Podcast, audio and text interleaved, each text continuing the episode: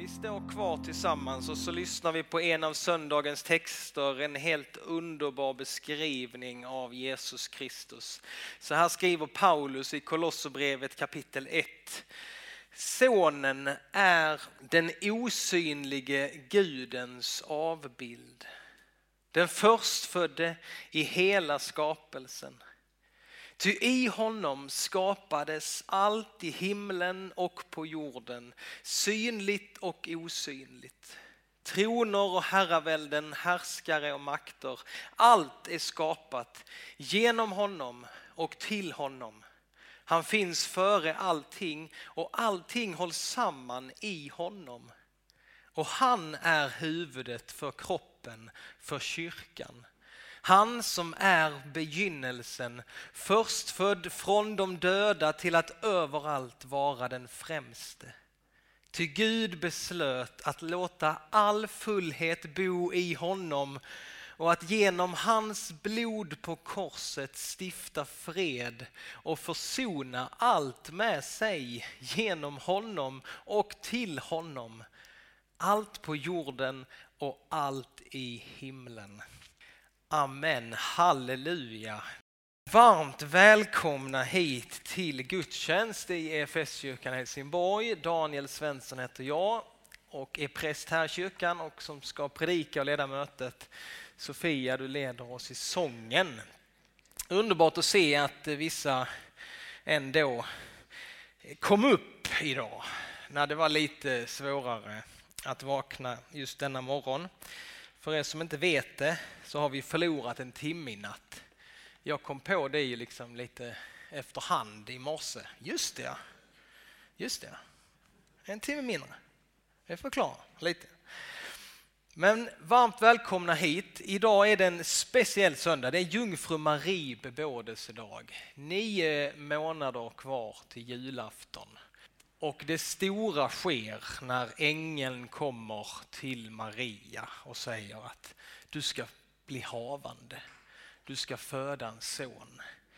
En otrolig händelse som vi ska få fördjupa oss i idag. Guds mäktiga verk är temat. Och vi ska få vara med om när ängeln Gabriel kommer till Maria och berättar för henne. Du ska få föda den högstes son. Men låt oss nu få be för vår gudstjänst. Herre, vi tackar dig, Fader i himmelen, för att vi får vara här denna morgon. Tack att vi får samlas till gudstjänst. Och tack för den här gemenskapen som har bildats här idag. Tack för att du är här och att vi får vara här. Nu ber vi dig, hjälp oss att få vara öppna för dig. Hjälp oss att öppna oss för din kärlek och för det som du vill ge till oss idag. Gör oss närvarande. Herre, vi vill ge dig den här stunden. Kom heligande. Sänd ditt ord. Påminn oss om det som vi, bör, det som vi kanske har glömt eller som vi behöver Ja, du vet Gud vad som pågår i var och ens av våra liv. Du vet hur vi mår, du ser oss. Kom och grip in i våra liv. Vi flyr till dig denna morgon. Vi flyr till dig och vi vill sätta vårt hopp till dig.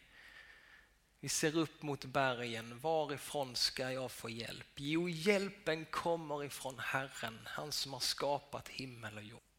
Vi lägger varandra och den här gudstjänsten i dina händer. I Jesu namn. Amen. Och det finns många sådana här berättelser i Bibeln om eh, kvinnor som blir havande på lite speciella sätt.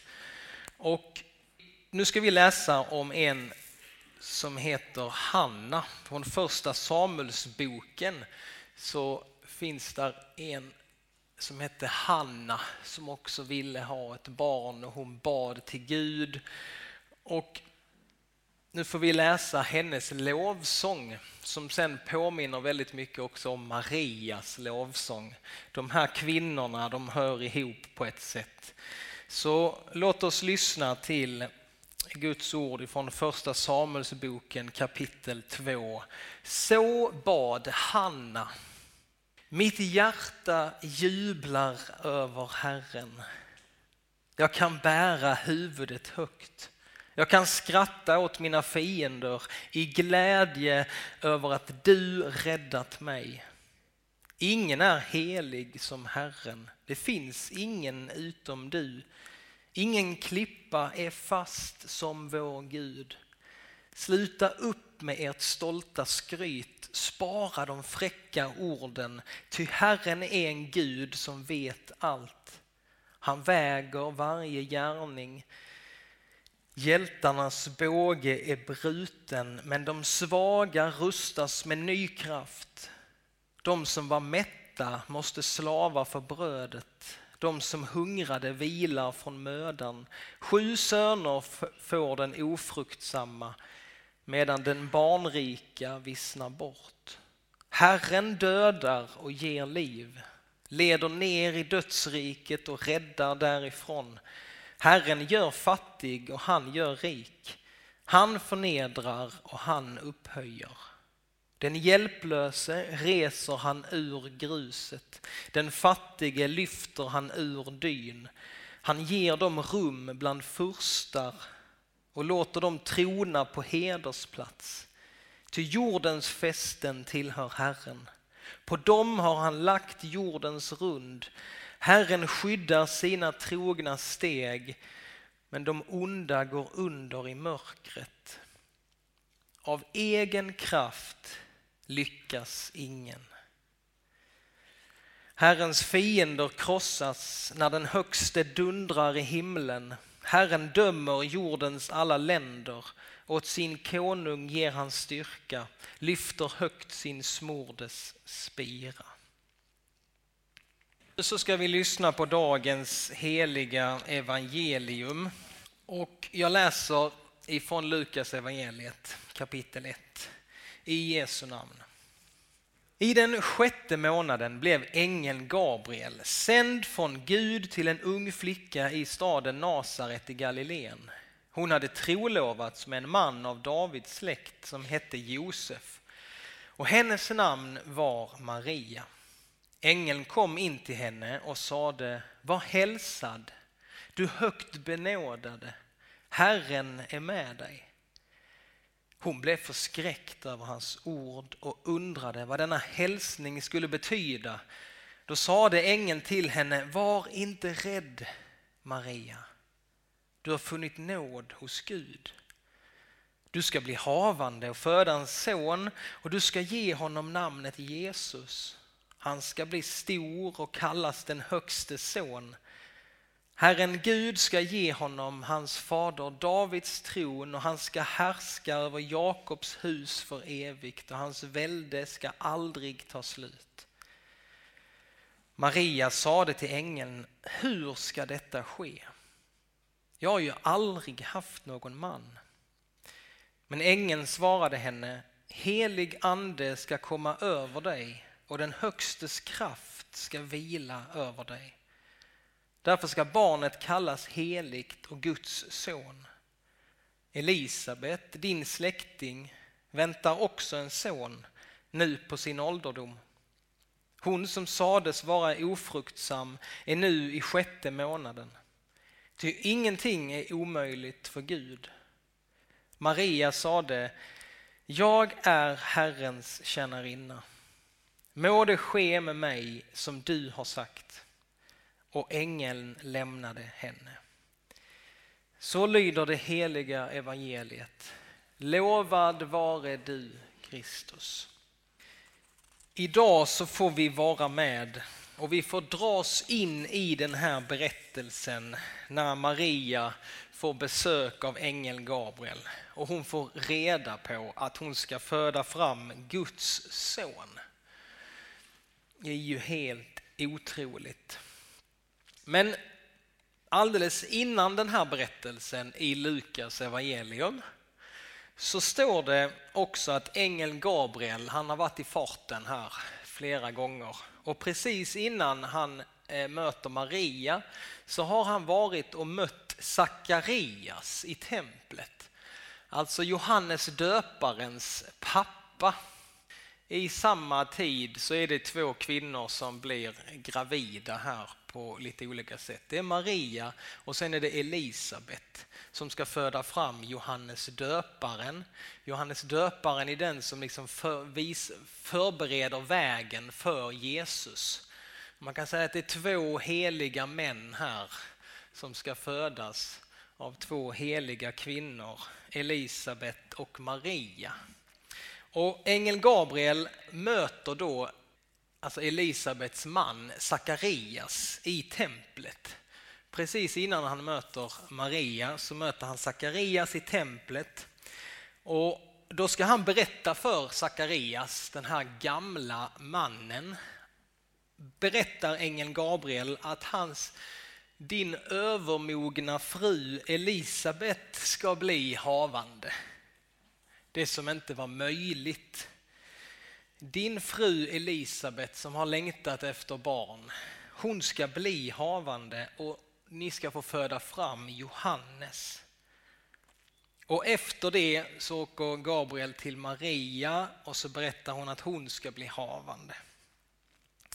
Och de här två berättelserna om hur ängeln Gabriel kommer till Sakarias och han kommer till Maria.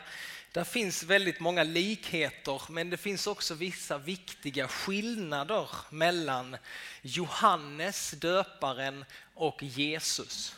Och Lukas som har skrivit eh, det här evangeliet, som har, skrivit, har lagt de här berättelserna bredvid varandra, vill visa just det att det finns likheter men sen finns det också viktiga skillnader mellan hur Sakarias tar emot det här budskapet från Gabriel och hur Maria tar emot det här budskapet. Sakarias, han var i templet i Jerusalem. Han tillhörde liksom en prästsläkt så han gjorde tjänst i det heliga, i, det, i templet. Och det var där liksom man kan tänka sig templet här. Det var här i templet som Sakarias fick ett möte med ängeln. Medan Maria, hon får möta ängeln Gabriel i Nasaret som är bara en liten, helt obetydlig by i Israel. Elisabet som skulle också bli gravid, hon var en gammal barnlös kvinna och tiden hade liksom gått ut för henne. Maria däremot, hon var en ung och orörd kvinna. Och när Sakarias i templet och han får möta liksom budskapet från ängeln Gabriel så kan inte han tro. Sakarias han tycker det är bara för otroligt. Och han kan inte tro och därför blir Sakarias stum han förlorar rösten under hela graviditeten. Men Maria, när hon får höra lika otroligt budskap så väljer Maria att tro. Hon ställer sig under Guds vilja hur otroligt det än låter. Och sen följer man de här barnen som växer i magarna. Och det står att Johannes han blev uppfylld av helig ande i moderlivet, står det.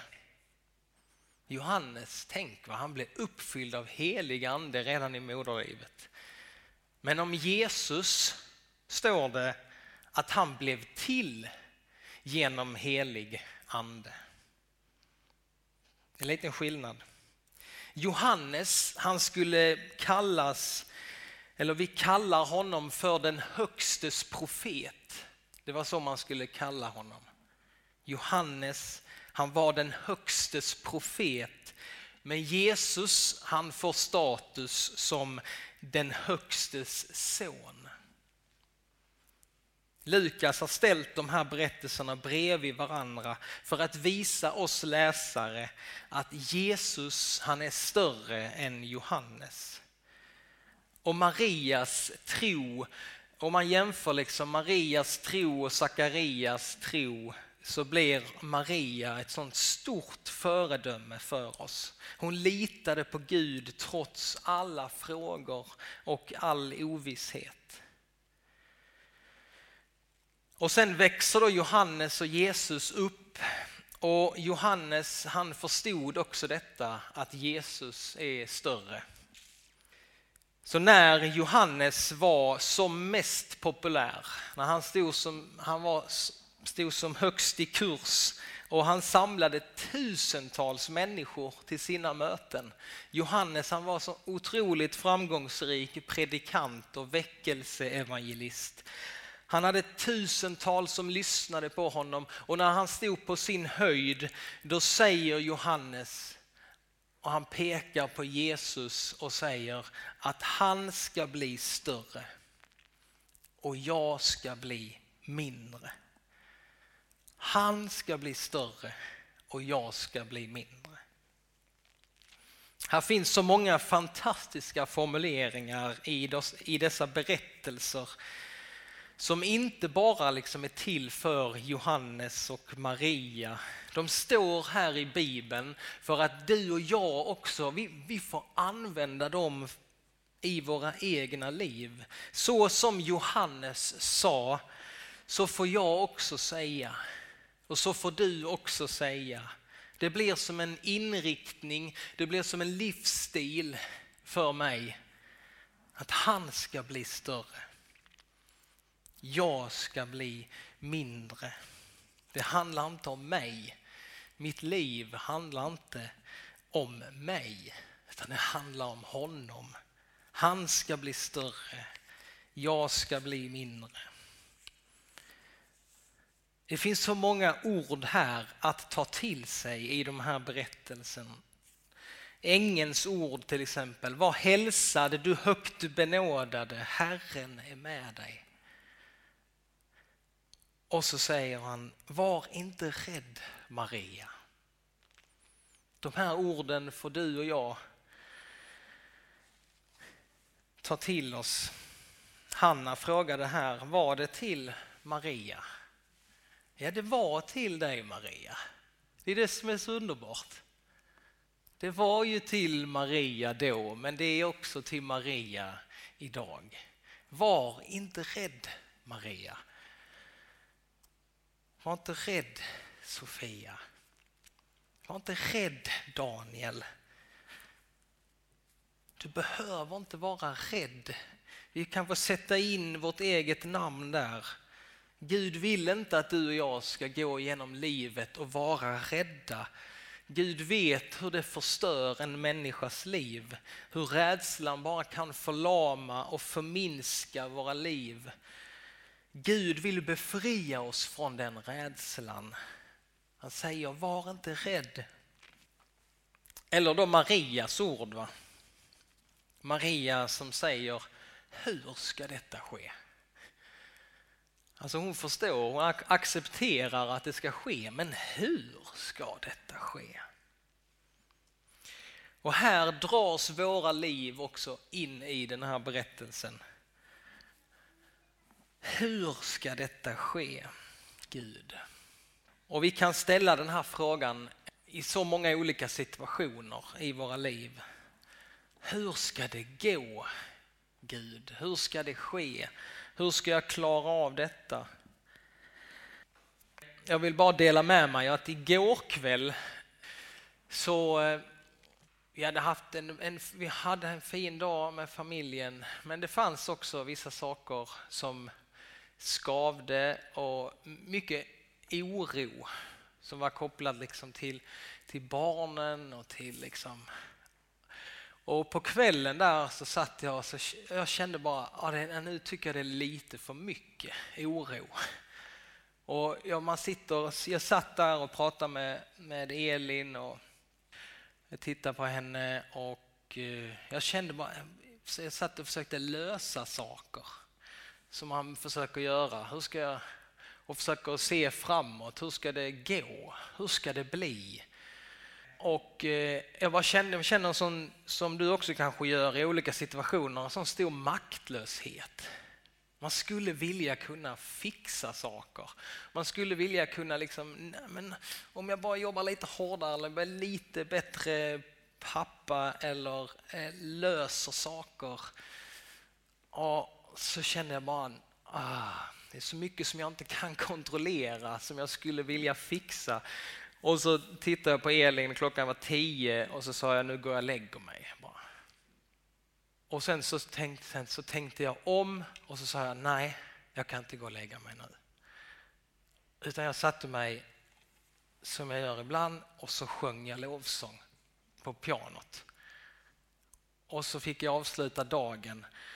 Jag och Elin så fick vi sjunga lovsång och sen fick vi böja knä och jag fick be och lägga över alla de här sakerna som var bara makt, jag hade bara kände maktlöshet inför.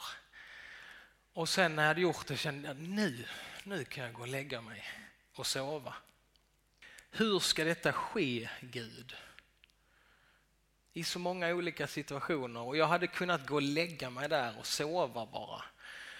Och det här att be och söka Gud, det är en sån otrolig gåva.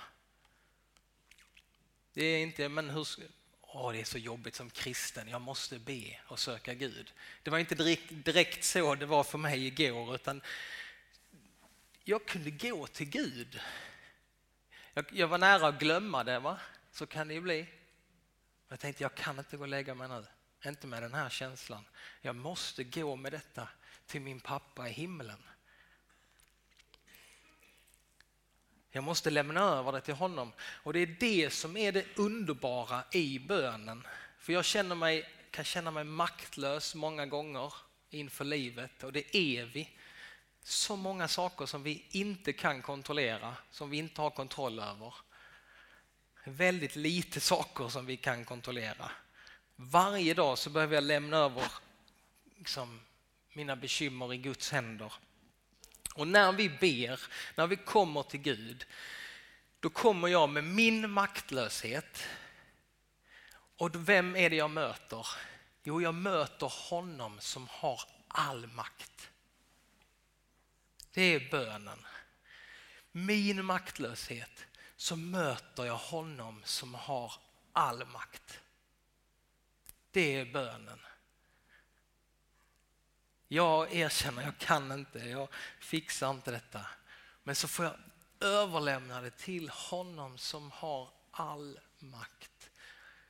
Mina böner, min frustration möter Guds omsorg om mig och mina barn och min, liksom mina situationer som jag är i. Min maktlöshet, min oro möter hans kärlek. Jag vill ta hand om dig, Daniel. Hur ska detta ske? Jo, Maria får veta att den heliga ande ska komma över dig. Det är inte du som ska göra någonting, utan den heliga ande ska komma över dig. Guds kraft kommer vila över dig. Där har du lösningen, Maria.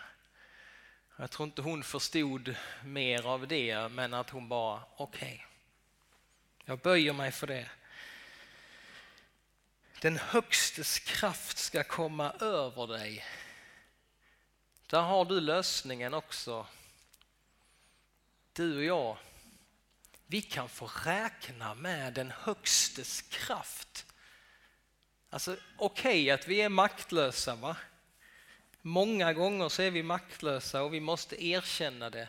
Men vi lever ju tillsammans med han. Den högstes kraft ska också komma över dig. Du kan räkna med den högstes kraft i ditt liv. Marias ord och bön kan också få vara din bön. Jag är Herrens tjänarinna.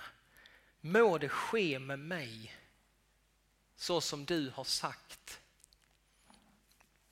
Och här kan vi välja ju mellan Sakarias, han trodde inte Han litar inte på Gud på samma sätt som Maria. Vi har ju också Eva i, i Edens lustgård som blev lurad och ormen sa, har verkligen Gud sagt det där? Kan du verkligen lita på Guds ord? Nej. Och Marias svar är bara helt otroligt. Jag är Herrens tjänarinna. Må det ske med mig så som du har sagt, alltså efter ditt ord. Efter ditt ord, så vill jag leva. Så som du har sagt, så som ditt ord säger. Så vill jag leva. Och vår värld, vi, den skriker och behöver människor som tror likt Maria. För det ger så mycket hopp till oss. Det är så lätt att misströsta idag i olika saker av många anledningar. Det är lätt att misströsta när vi ser kyrkans utveckling. Man kan misströsta när man fyller sig med nyheter. Och man kan fråga sig, vem, vem ska vi följa? Vem ska man tro på? Vilken, vilket eh, dike ska man lägga sig i? Eller vem kan man lita på idag? Det är så mycket som är förvirrande och man ska ta ståndpunkter i olika eh, ämnen och, och debatter och synpunkter. Och... Men det är en sån otrolig befrielse. Mitt i den här förvirrade tiden så är det så underbart gott att få, få känna att jag följer Jesus. Jag har någon att följa. Jag har någon att lita på. Jag har någon att bygga mitt liv på. Det finns någon vars ord håller att bygga sitt liv på genom död till liv. Jag följer Jesus. Det är helt underbart att få göra det i den här tiden. Och det som ger mig eh, mest hopp det är när människor också väljer att följa honom. När människor inte resignerar inför all ondska och oro i vår tid utan som likt Maria väljer att tro, väljer att hoppas och säger jag är Herrens tjänarinna. Må det ske med mig så som du har sagt efter ditt ord. Även i denna tiden så är det så otroligt viktigt att människor ber den bönen om och om igen. Att människor ställer sig där. Använd mig Gud. Jag vet inte hur det ska gå till. Jag vet inte om du kan det ens, men här är jag Gud. Använd mig. Låt det ske med mig efter ditt ord så som du vill. Låt mig få vara en person som får sprida liksom, kärleken, tron, hoppet vidare. Och hur ska det ske? Jo, den helige ande, den högstes kraft som vi får räkna med varje dag ska komma över dig och mig. I Sakarja i gamla testamentet så står det det är varken med styrka eller makt utan med min ande säger Herren Sebaot. Gud han väntar inte på att du ska bli färdig för att han ska kunna använda dig. Han är inte ute och letar efter perfekta människor att använda. Han är ute och letar efter villiga hjärtan. Människor som ber att här är jag Gud, använd mig. Rakt in i den här situationen där du är så vill Gud använda dig. Det står så här i andra krönikeboken i gamla testamentet. Herrens ögon överblickar hela jorden för att han ska kunna stärka dem som av hela hjärtat håller sig till honom. Herrens ögon överblickar hela jorden och så tittar han efter dem som ber, som säger här är jag, sänd mig. Det är i den här rörelsen som du och jag, vanliga enkla människor, vi är kallade att få vara med i den här rörelsen som fortsätter. Och den rörelsen, det är så underbart att det fortsätter än idag. För än idag så är det människor som ber likt Maria. Och det sker här i Helsingborg, det sker över hela vårt land och det sker över hela vår värld. Och du och jag, vi får vara med i den här rörelsen. Låt det ske med mig efter ditt ord. Du Jesus, du får bli större, jag får bli mindre. Och en man som var med i denna rörelse hette Franciscus. Han levde på 1100-talet och han formulerade sin bön så här. Låt oss nu få be den här bönen. Jag kan be den högt och så får du be med i ditt hjärta. Och, och sen kan du gå hem och googla på Franciscus bön. Och så kan du ha den i din telefon hela veckan. Eller hela livet. Och det är en helt fantastisk formulerad bön. Låt oss be tillsammans. Herre, gör mig till ett redskap för din frid. Låt mig bringa kärlek där hat råder. Låt mig bringa förlåtelse där orätt har begåtts. Låt mig skapa endräkt där tvedräkt råder. Låt mig komma med tro där tvivlet råder. Låt mig bringa sanning där villfarelse råder. Låt mig komma med glädje där sorg och bedrövelse härskar. O Mästare, låt mig inte så mycket söka att bli tröstad som att trösta. Inte så mycket söka att bli förstådd som att förstå. Inte så mycket att bli älskad som att älska. För det är genom att ge som man får. Det är genom att glömma sig själv som man finner sig själv. Det är genom att förlåta som man blir förlåten.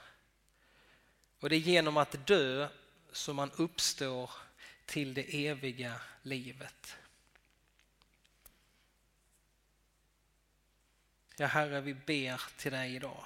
Tack att du ser oss och att du känner oss. Jag ber att du ska gripa in i var och ens av våra liv. Du ser vad vi kämpar med och vad vi längtar efter. Kom helig ande. Genomströmma oss var och en. Kom helig ande. Låt oss få räkna med dig, att den högstes kraft ska få finnas över oss och i oss. Och du vill vara en hjälp i varje situation som vi hamnar i. I varje relation. Så ber vi också här att den helige ande ska få komma över oss. Så att vi kan få vara dina vittnen i en tid som denna. Och där vi är. Herre, använd du oss var och en och oss som församling. I Jesu namn. Amen. Då får vi stå upp tillsammans och så bekänner vi vår kristna tro. Vi tror på Gud Faders allsmäktig, himmelens och jordens skapare. Vi tror och på Jesus Kristus, hans enfödde son, vår Herre vilken är avlad av den helige Ande, född av jungfrun Maria, pinad under Pontius Pilatus, korsfäst, död och begraven, nederstigen till dödsriket, på tredje dagen uppstånden igen ifrån de döda, uppstigen till himmelen, sittande på allsmäktig Gud faders högra sida, därifrån igenkommande till att döma levande och döda. Vi tror och på den helige ande, en helig allmännelig kyrka, det heliga samfund, syndernas förlåtelse, det dödas uppståndelse och ett evigt liv. Amen.